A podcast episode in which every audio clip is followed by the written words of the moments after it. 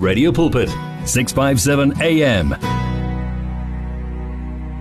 Singumkani singumsizi wansuku zonke your daily companion. Isikhathi ke sithi 1441 kwamanje siyalapha kumfundisi uFanas Khosana ezosithulela yanamuhla i, i, i motivation mfundisi wami sawubona. Eh greetings sister Bahle nabalaleli bonke baku Radio Pulpit ngey 16 January 2022 Amen. Amen sister Bahle Amen mfundisi. Oh hallelujah. Eh namhlanje sizokhuluma ngesihloko lana. Eh sizokhuluma la ngesihloko la esithi eh praying or the prayer life of Jesus. Hallelujah. uJesu mafunda iBhayibheli lithi la uJesu he is he is a co-equal with God the Father the Son and the Holy Spirit. Masikhuluma ngegod the head sister bahle. Hallelujah. So now uJesu sizobheka kancane lana eh the prayer life of Jesus. Ukuthi uJesu yena i prayer life yakhe yayime kanjani? Remember ukuthi sisatreata sona iyona i-subject eye prayer. Hallelujah. Engiyithatha serious kakhulu. Amen. Amen. Yes. Mm. so number 1 last sistabahle sithola uJesu ukuthi eh ku the book of Matthew 26 verses 42 uh, Jesus prayed according to the will of the Father. Hallelujah. I love it according to the will of the Father. And number two, Jesus prayed before making decisions. Leyo sithola ku Luke 6 verses 12 to 13 wangathi nathi sonke singathi before senza ama decisions sibuza uNkulunkulu ukuthi God is it right for me to make this decision And then number three, Jesus prayed persistently. Hallelujah. We read that in the book of Matthew, chapter 26, verses 44. And then number four, Jesus taught others to pray.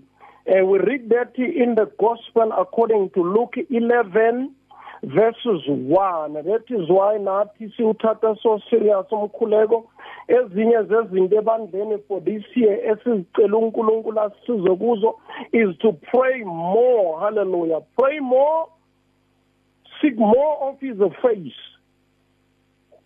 So and then lana number 5 Jesus travailed in prayer. We read that in the book of Hebrews chapter 5 verses 7 to 8. Number 6, Jesus prayed prayers of thanksgiving. Loko sikuthola ku Matthew uh, chapter 11 verses 25. And then number 7, Jesus prayed early in the morning. I love this one. Siyifunda kumark 1 verses 35 ujesu kusho ukuthi was so strategic and beka understanda neyinkathi ukuthi ekuseni akukho very busy. Ekuseni is the right time to seek the face of God because ama interruptions are very slim. Hallelujah. And then number seven if not eight. Jesus prayed throughout the night. La bekakhuleka imithandazo emide. Yiloku thina namhlanje sikubiza ukuthi masiya kuma night prayer or kuma night vision. Hallelujah. Or kuma whole night prayer. We read that in the book of Luke chapter 6 verses verses 12 and then Jesus prayed even when he was tired hallelujah abanye they pray when things go halabalu omunye wathi when things are hunky dory but uJesu ngiyamthanda because eh usinika la iexample ukuthi even nathi amakholwa when izinto zingahambi kahle we pray. Maze hamba kahle we pray. Masinama challenges we pray we don't complain. Kuministry makungahambi kahle we pray. Kuma finances we pray. Hallelujah. One man of god uthanda ukuyibiza le ukuthi eh these days we have uh, most of the Christians who are, uh, are called fair weather Christians. Labo sisibathi laba abaye enkonzweni when eh inhliziyo nengqondo zithi namhlanje you can go. Isimo masala they don't go. But thina as the followers and believers of Christ even when we are tired izinto noma imeko zomhlaba sezisishayile ama challenges asishayile we pray we push. We read that in the book of Mark chapter 6 verse 31 eh siye ku 33 siphelele ku 35 bese sifunda no verse 46 and then okunye Jesus prayed for himself. Kula esilesibiza ngokuthi ebekenza eh bekayenza lana umkhuleko lo owe personal hallelujah altar call. Ngamanye amagama la bekazikhulekela ayi-one ngasesithe okuyinkonzo nathi the believers hallelujah kufanele ukuthi siziphe yona sometimes. Uzikhulekele nje wena uwedwa ungakhulekeli umndeni wakho ungakhulekeli ama-finances akho ungakhulekeli ibandla ungakhulekeli ibhizinisi ungakhulekeli umhlaba as a whole. But uzikhulekele nje wena wedwa ukuthi uNkulunkulu haleluya adile nempilo yakho. Ngivama ukuthi kubazalwane we need sometimes when we read iBhayibheli singalufundelwa umfundisi uzufundele wena to edify yourself eh ukuthi uzukhulise wena in your relationship with God.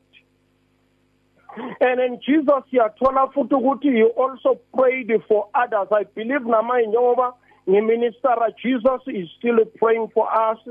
Uh, in heaven sizoyifunda masehla and then Jesus prayed for his disciples. We read that in the book of John chapter 17 verses 9 and Jesus prayed before his ministry started. Ngiyamthanda uJesu is ube is such a good example la. Siyafunda ukuthi before angena ku ministry he prayed. Before ashumayela acasta out ama demons ephilisa abantu he prayed. Wacela uNkulunkulu wathi uNkulunkulu is it the right timing now ukuthi can i pray? Ebandleni sisabahle when i minister sometimes i will feel in my spirit to say today uh, you don't you don't pray for uh, awubakhulekela abazalwane. Just minister sivala inkonzo phelile and uh, sometimes the holy spirit will lead me to lay hands and i will obey and lay hands. So la uJesu uyasifundisa ukuthi siyafunda ngayo ukuthi even before engena emsebenzini wakhe kaNkuluNkulu wakhuleka. Sifunda la ku Luke chapter 3 verses 21 ukuya ku 22 yena yokugcina Jesus still prays for us even today. We read that in the book of Hebrews 7 verses 25 no Romans 8 verses 26 to 27 sister Bathe I'm tempted to read this one. Can I read this one? Yes yes you can mfundisi. Yes Hebrews 7 verses 25 ifundeka ngalendlela ngeKing James. Therefore he is also able to save to the uttermost those who come to God through him. Ngiyayithanda lalithi iBhayibheli those who come to God through him not through men but through him alone. Ngiyayithanda ngale ku Gospel of John uthi akekho oza kubaba ngaphandle kwami oza kubaba ngaphandle kwami uyisela umfanisa nesela so la kuthiwa Therefore, he is also able to save to the uttermost those who come to God through him. Since he always lives to make intercession for them powerful sister bahle ngicela ukwazisa umlaleli ekhaya ukuthi la akhona kuleyo nkinga abhekene nayo kuleyo challenge abhekene nayo uJesu as our mediator he is praying on our behalf. He is interceding on our behalf. Romans 8 verses 26 to 27 in the same way the spirit helps us in our weakness. Ukukhulunywa ngomoya oyingcwele ke la in the same way the spirit helps us in our weakness. We do not know what we ought to pray for. Sometimes asisike singazi ukuthi sikhulekela ini but umoya oyingcwele bese uyasifundisa remember uJesu ngale uthi kubafundi njengoba ngihamba nginishiya nomoya oyingcwele the comforter ozonifundisa ene ozonikhumbuza aphinde anifundise ngako konke ngazo zonke imiso ezikaNkulunkulu but the Spirit Himself intercedes for us with groans that words cannot express. This is powerful, Sister Bashe.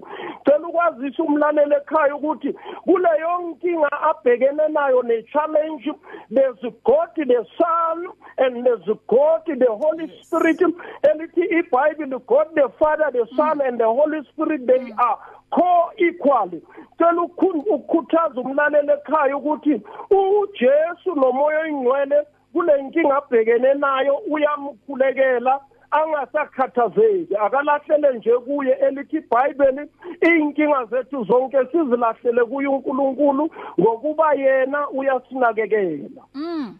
Mayichubeka la ithi eh And he who searches our hearts yes. knows the mind of the Spirit powerfully. Mm. He who searches our hearts knows the mind of the Spirit.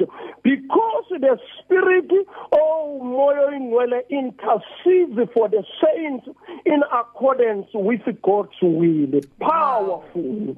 Mlalele khaya, ngicela ukukukhuthaza nokukhumbuza ukuthi worry no more. Pray more. Pray the prayers of intensity. Pray the prayers of intention. Pray the prayers of eagerness. Pray the prayers of earnestness and God will see you through kuleyo nkinga. Asithandaze baba siyabonga abalaleli ekhaya usista bahle the radio pulpit as a whole sibakhulekela bonke siyabonga nokusikhumbuza ngezwi lakho ukuthi this early evening Jesus Christ and the Holy Spirit, they are interceding on our behalf. Oh, they, yes, they are standing in the gap on our behalf for whatever challenge, problem, trouble, tribulations, yes, frustrations or problems, they are interceding for us. Siyabonga, sibonga loyo musa nalolo thando. Siyabonga baba. lithi izwi lakhe akekho omunye ngaphandle kwakho you are the father and god over us all even those ones oh god who reject you you love them all and you loved them before the world began usabathanda namanje no 1 Timothy 2:4 lithi izwi lakho nko lithi izwi lakho for God desires that all men should be should be saved and come to the knowledge of the truth. Ngiyabakhulekela baba bonke ngegama lika Jesu the unsaved ones I pray that they will be saved and come to the knowledge of the truth. In the name of Jesus Christ Father I pray. Amen and amen mhlawumbe uthi ngifuna ukusindiswa mm. three steps you admit that you are a sinner mm. number 2 you believe that Jesus Christ died for you yes. and he was raised from the cross on the third day and number three, you confess him as your Lord and Savior and Master over your life. Mm. In the name of Jesus, mawufuna ukusifonela ke siyatholakala ku 0 084 730 6764 084 730 6764 sitholakala ke eThwathwa extension 32 ekuruleni. Bless you beloved. Ngiyanithanda ngenhliziyo kaJesu. Haleluya sister bahle anibusise uNkulunkulu. We are blessed mfundisi um iyona motivation yangempela leya namuhla ukuthi asikhuleke singaphezi. Umfundisi makamo uthi aye ye manana bahle sihleli nawe kanye nomfundisi. Hey umfundisi madukani elinye igama engingalazi lelo? Or uthi uhleli nathi eh, unomfundisi madukani? Oh okay i thought ukuthi usho wena mfundisi. ngithi unegama elinye engingalazi. Okay umfundisi makamo uthi uhleli nathi eh, unomfundisi madukani kanye nomshana wakhe uSamuel. Thank you so much eh, mfundisi makamo um mfundisi asihlangane futhi evikini elizayo. Siyabonga sister bahle bless you. Bless you baba. Ya, yamnandi imotivation yakulolu suku sithola la kumfundisi u um noma ngathi apostle bafana eh fana sikhosana. Yes asikhuleke singaphezi bazalwane. Um uthi worry no more kodwa wenzeni ukhuleke. If you need prayer please send your request to prayer@radiopulpit.co.za or WhatsApp 067 429 7564 or go to Radio Pulpit website on www.radiopulpit.co.za Radio Pulpit's Facebook page makes you more a part of the station than ever before. Now you can give your opinion regarding our programs or even contact your favorite presenter. You can get the latest news and existing programs and communicate with other listeners. Come on, let your fingers do the talking on Radio Pulpit's Facebook page. It's interactive and dynamic. Just visit facebook.com forward slash Radio Pulpit.